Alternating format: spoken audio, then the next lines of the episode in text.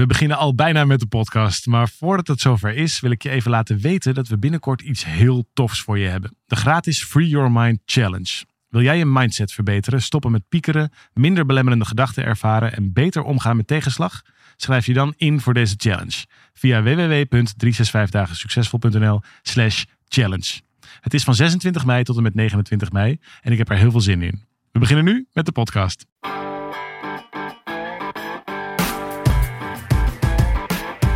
Van harte welkom bij deze podcast van 365 dagen succesvol.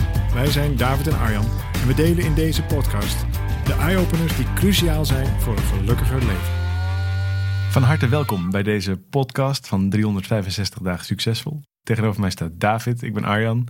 En ik vind het leuk om um, met je de, diepte in te gaan of op onderzoek te gaan op dat mooie, prachtige, veel betekenende onderwerp waar de Engelsen zo'n mooi woord voor hebben: abundance. Nou ja, jij zei toevallig eh, in een gesprek wat we hiervoor hadden, noemde je het rijkdom. Ja. Dat vond ik ook mooi. Wat is nou rijkdom? Wanneer voel je je nou rijk? Wat is, wat is dat? Wat is het voor jou? Nou, misschien is het ook wel interessant om eens te kijken naar wat het niet is. Ja, want abundance, voor de mensen die dat niet meteen weten, betekent niet letterlijk rijkdom. Nee, overvloed. Maar overvloed. Ja. Prachtig interessant onderwerp, wat volgens mij ontzettend veel invloed heeft op hoe je, nou ja, de keuzes die je in je leven maakt, de dingen die je, hoe je met dingen omgaat.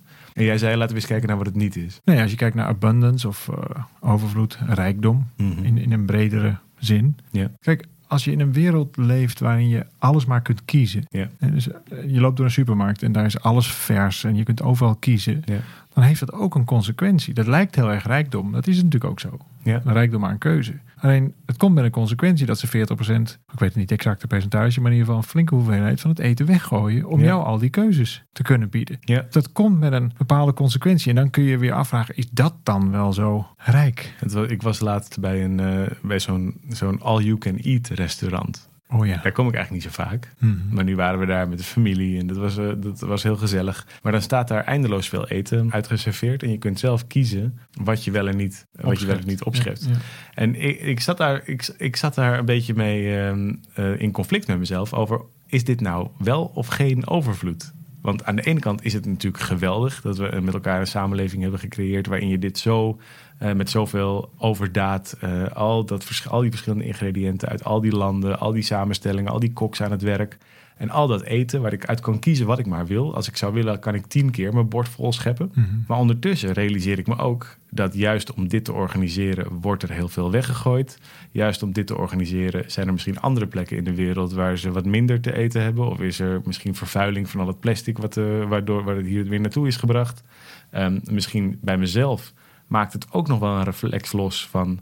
oh ja, nu moet ik ook alles geproefd hebben. Of ga je opeens veel meer voor jezelf opscheppen dan dat je normaal gesproken zou doen. Uit een soort van Bijna hebberigheid of ja, zo. het zijn zoveel Ja, opties. ja, nou, dat wil je dan niet missen. En zo ontstaat er eigenlijk bijna allerlei conflict over of het nou wel of niet overvloed is. Het is een soort van arm en rijk tegelijkertijd. Ja, dat is het. Ook ja. een soort armoe van, ja, ik moet alles maar op hebben geschept, want anders heb ik het niet geproefd. Dat is natuurlijk hartstikke tekort gedacht eigenlijk. Ja, heel erg. Je kunt ook genieten van één ding en het daarbij laten. Ja, Ja, wonderlijk. overvloed is wel een wonderlijk, hoe noem je dat goed? Ingrediënt of zo. Het is zoiets, een manier van kijken. En jij zei net, nou, het is ook wel waardevol om te bekijken wanneer het er niet is. Wat Nou, bedoel je daar dan? Wat mee? het niet is, dus een rijkdom voor mij, is dus niet die eindeloze keuzes. Ja, Omdat je dan ook in een zekere zin keuzestress krijgt. Of eh, dat het met een consequentie komt dat je dus veel moet weggooien. Of Ja. nee, dat soort dingen. Ja. Dus nee, het is meer een open vraag hoor. Van, van wat is het wel, wat is het niet.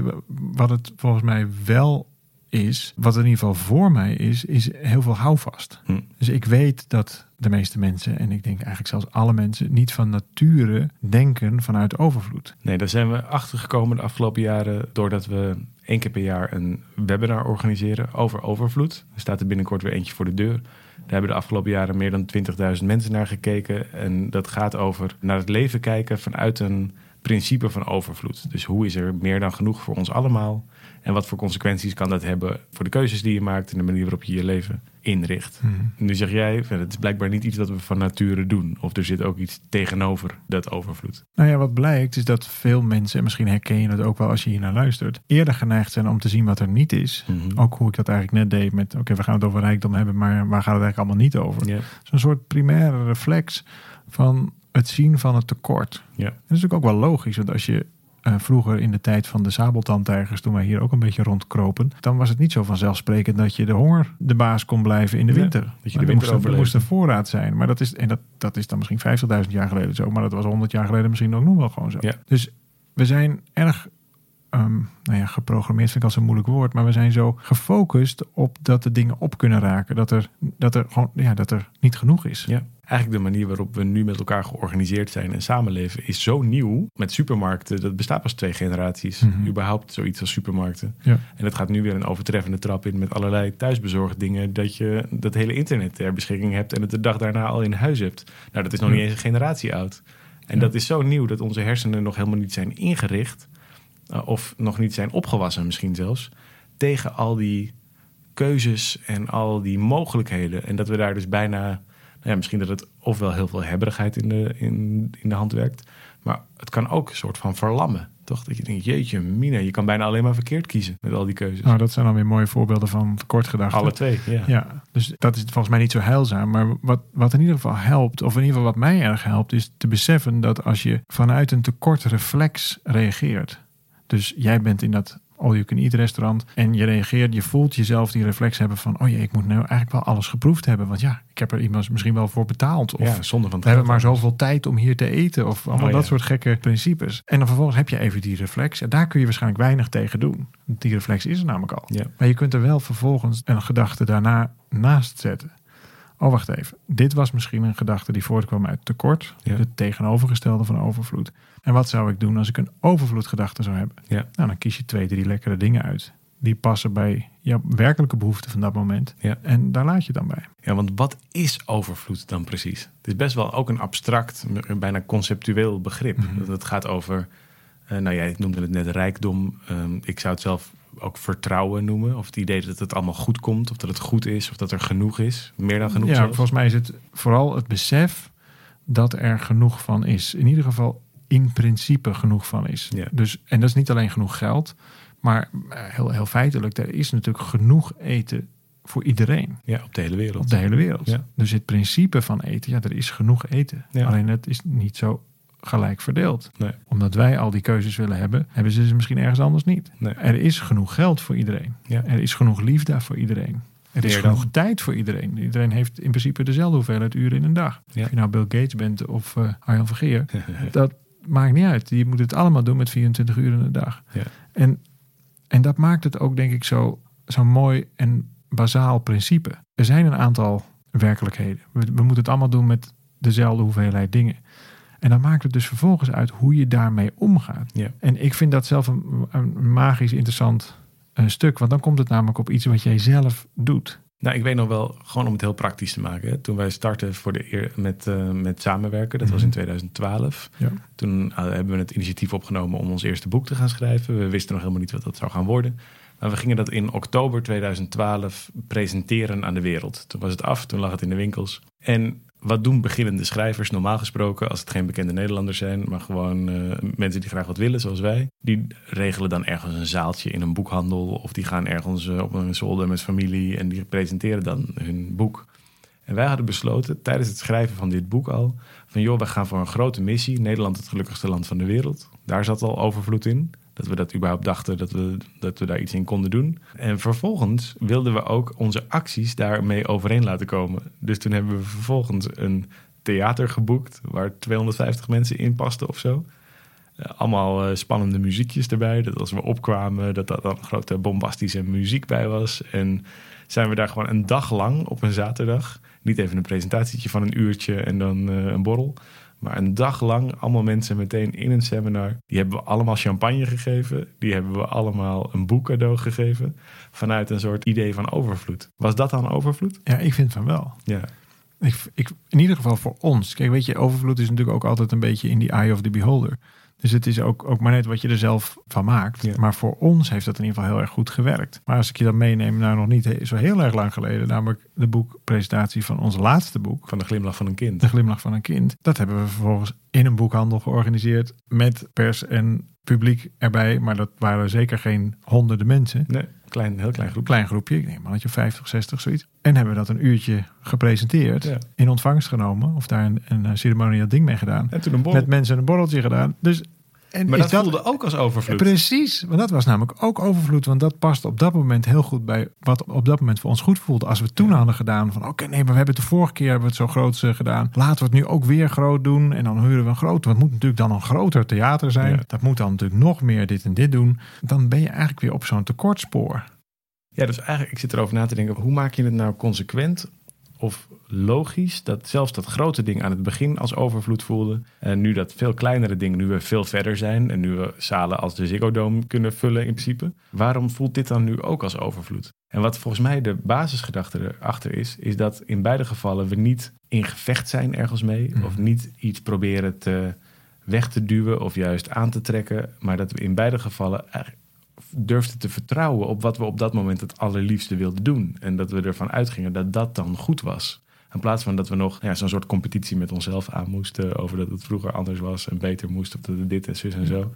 En daar ontstaat een soort innerlijke rust of innerlijke vrede van oké, dit is blijkbaar welke keuze we ook maken. Dat is helemaal goed, want dit is hoe we het nu willen doen. Ja, en dat is volgens mij een heel mooi voorbeeld van overvloed. Ik zit er, terwijl je dat zo zegt, zit ik erover na te denken. Oké, wanneer zou het dan goed genoeg zijn? Nou, waarschijnlijk op het moment dat jij jezelf goed genoeg vindt. Hm. Ik denk dat het een, een, een hele waardevolle gedachte is, die je zelf ook zo kunt aanmeten. I am enough. Ja. Ik ben goed genoeg. Want weet je, het kan altijd mooier, gladder, luxer, gekker, Beter. Beter.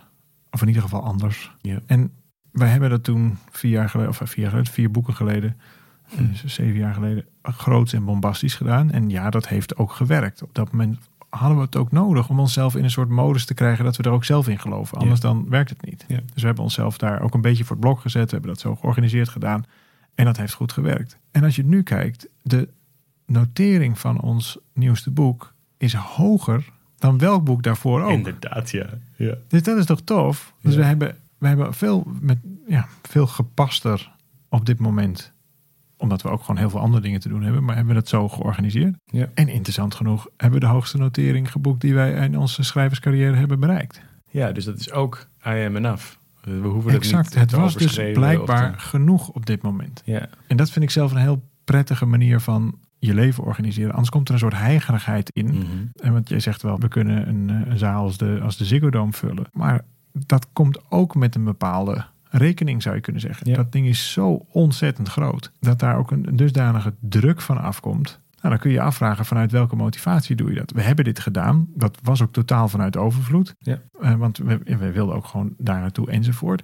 Maar het is niet zo dat wij nu de, de gewoonte hebben gemaakt om elke week maar die Ziggo Dome dan maar Nee. af te huren. Omdat je, ja, dat was voor ons ook. Nou, laat ik zeggen, het, het diende niet meer dat, kijk ons, dit is lukken doel.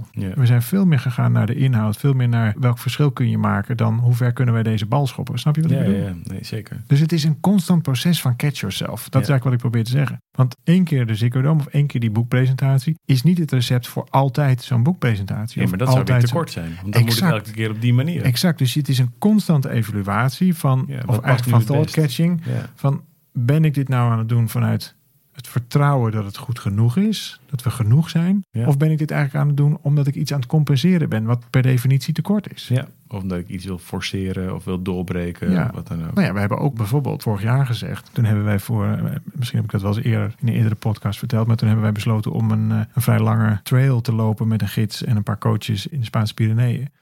Omdat we opnieuw te kiezen hadden, willen we dit überhaupt eh, zo doen? Ja. En daar is eigenlijk het inzicht ontstaan, of het, het kwartje ontstaan, dat we niet meer de steen omhoog wilden. Volgens mij was dat de letterlijke tekst die we toen gebruikten. We willen die steen niet meer de berg opduwen. Mhm. We hebben best wel veel gedaan tot aan dat moment om ook eh, dingen van elkaar te krijgen. Ja. Nul spijt van overigens. Het heeft absoluut goed gewerkt. Ja. Alleen we kwamen ook op een punt dat het voor ons niet meer werkt om het op die manier te doen. Ja.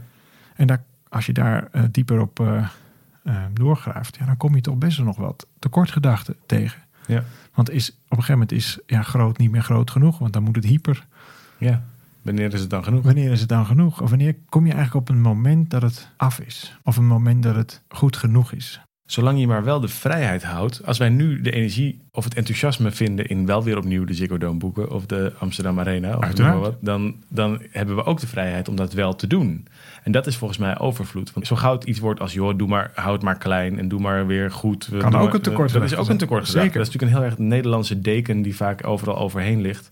Waardoor we vaak ehm, Amerikaans op, eh, optimisme, noem ik het maar even. Waarop we dat vaak agressief vinden of oppervlakkig of daar allerlei oordeel over hebben. Terwijl het ook vaak eh, veel overvloed uitstraalt. Het idee dat dingen wel kunnen.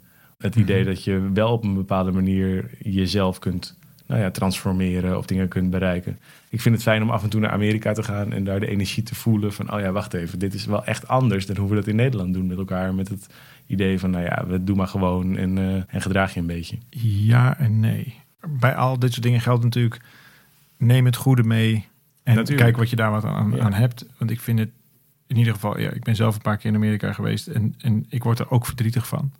Eh, de, de oversizedness komt volgens mij helemaal niet voor vanuit overvloed, maar eerder vanuit een, een bepaald tekort, een bepaalde leegte die eigenlijk niet te vullen is. Eh, of in ieder geval niet op die manier. Maar goed, dat is mijn eh, persoonlijke mening daarover. Maar wat wel waar is, is dat er natuurlijk een mentaliteit is van het kan wel. Dat bedoel ik ook. Hè? Ik heb het Ja. helemaal niet over supersize McDonald's en zo. Want ik- Nee, daar, precies. Nee. En, en als je kijkt hoe dat land is ontstaan en wat daarvoor moest wijken, dan Nee, zijn het nog wel wat ingewikkeldere Zeker. paden die daar belopen moeten worden. Maar het principe van, je kunt het eigenlijk nog wel verder terughalen. Als je kijkt hier naar een Calvinistische cultuur, Mhm. dan hebben wij een straffende God. Dus je wordt in zonde geboren en je hebt een leven om dat een beetje goed te maken. Dus Ja. op basis van de, de zonden die je al bent door überhaupt geboren te zijn. Ja. En dan moet je natuurlijk maximaal goed gedrag vertonen. Boete. Moet je boete doen. En dan kom je bij Petrus en dan hoop je dat je in de hemel mag of niet. In Amerika hebben ze een heel ander soort religieus cultuur. Ja. Namelijk, God heeft hun dat land gegeven en maakt daar wat van. Ja. Dus zij zien het als een geschenk. Precies, ze hebben een belonende God. Een, Ja. een, een God die hun het land voorspoedig laat zijn. Dat zijn allebei overtuigingen. Ja. Maar ik kan me wel voorstellen welke van de twee iets meer van overvloed Iets veroorzaakt. meer vertrouwen en optimisme ook losmaakt daarin. Ja. Ja. Zonder dat dit nou een claim wordt dat we ook maar verder iets uit het Amerikaanse systeem moeten overnemen. Want dat wil ik toch wel gezegd hebben dat ik daar niet per se voorstander van ben. Maar wel van de manier waarop je kunt kijken naar jezelf of naar de je leven. mentaliteit van het kan wel. Of je, je bent gewoon goed genoeg. Je bent een creërend wezen. Dat is dat wat ze daar heel erg Exact. aanhangen. En je moet het zelf doen met het goddelijk gegeven van dit land.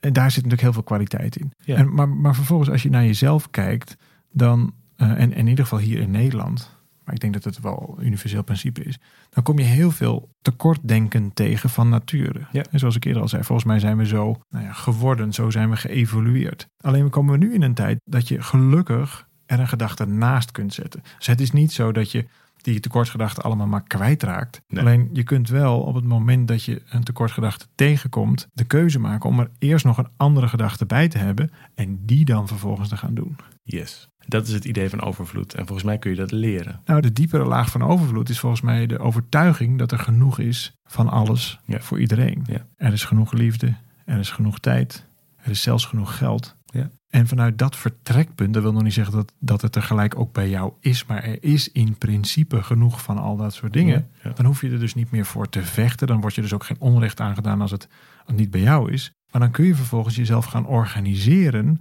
dat het ook realiteit wordt Ja. in jouw leven. Dat je het gaat ervaren. Precies, want op het moment dat je eigenlijk niet het geloof hebt dat het er ook voor jou kan zijn, Ja. dan zit je dus op zo'n basis tekortgedachte dat het er ook nooit zal zijn. Nee, het een creëert het ander Exact. uiteraard. Ja, mooi. In het webinar dat we organiseren over overvloed gaan we hier eh, veel dieper op in. Met name ook praktischer. Hoe doe je dat dan? Er bestaat zoiets als een overvloedformule. Er bestaan manieren om, we noemen dat sleutels. Je kunt het ook technieken noemen. eh, om overvloed in je leven te organiseren. Daar zitten een aantal dingen in zoals we dat zelf hebben gedaan de afgelopen jaren. Maar ook wat daar uit wetenschappelijk onderzoek eruit komt. Dus als je dat interessant vindt, dan ben je van harte uitgenodigd om daaraan deel te nemen op 365podcast.nl. Misschien ken je die webpagina inmiddels. Daar kun je ook je aanmelden voor het webinar. Het is helemaal gratis. En we vinden het leuk als je erbij bent. Nogmaals, ik geloof heel erg dat denken in overvloed het grote verschil kan zijn tussen een leven met veel gedoe en een leven met veel voorspoed. En we helpen je er graag mee tijdens dat webinar. Nou, wat ik nog leuk vind om te vertellen is dat we je van tevoren na je aanmelding nog een leuke oefening sturen met elf blokkades, elf soort van menstypen, elf ehm, nou ja, catch yourself dingen. En dat vind ik zelf altijd heel aardig, want ook ik ben natuurlijk regelmatig een tekortdenker. En dat heeft mij enorm geholpen om mezelf aan de hand van zo'n bijna archetype eh, elke keer in de kraag te kunnen Te betrappen. Ja, dus dat krijg je sowieso als je je, aanmeldt voor, eh, voor dat webinar. Voor nu heel veel dank voor het luisteren en heel graag tot een volgende podcast.